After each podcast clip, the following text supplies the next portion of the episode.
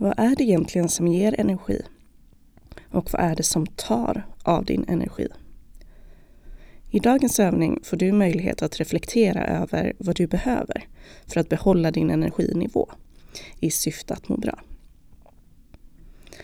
Ta gärna fram papper och penna för denna övning. Och börja med att måla ett vanligt vattenglas i mitten på pappret. Detta glas representerar din energi.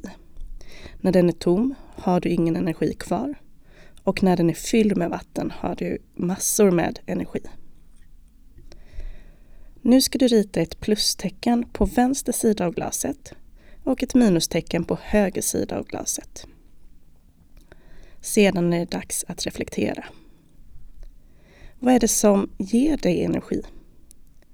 Träning, fika med en vän eller en god natts sömn till exempel. Skriv allt du kommer på under ditt plustecken. Och vad är det sen som tar din energi? Ett hårt träningspass på morgonen, höga förväntningar på dig själv eller krav från din vän till exempel. Var ärlig mot dig själv. Vissa saker kanske ger andra människor energi medan det är en aktivitet som tar energi från dig. Ibland kan det också vara värdefullt att göra flera olika energiglas som representerar olika delar av ditt liv.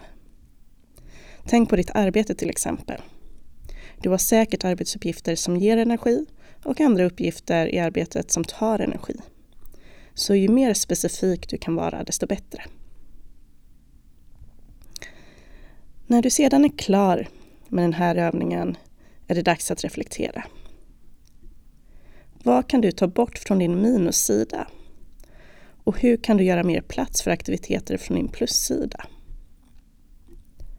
Kom även ihåg att syftet inte är att minussidan ska vara helt tom.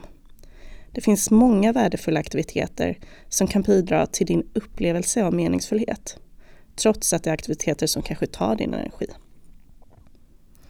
I den här övningen gäller det alltså att få en helhetssyn på ditt liv och landa i vad du behöver för att må bra.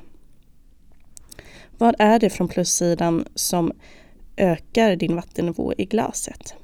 Och vad är det från minussidan som minskar den nivån? Och hur kan du balansera det här för att må så bra som möjligt? Tipsa gärna en vän som du tror hade uppskattat denna övning.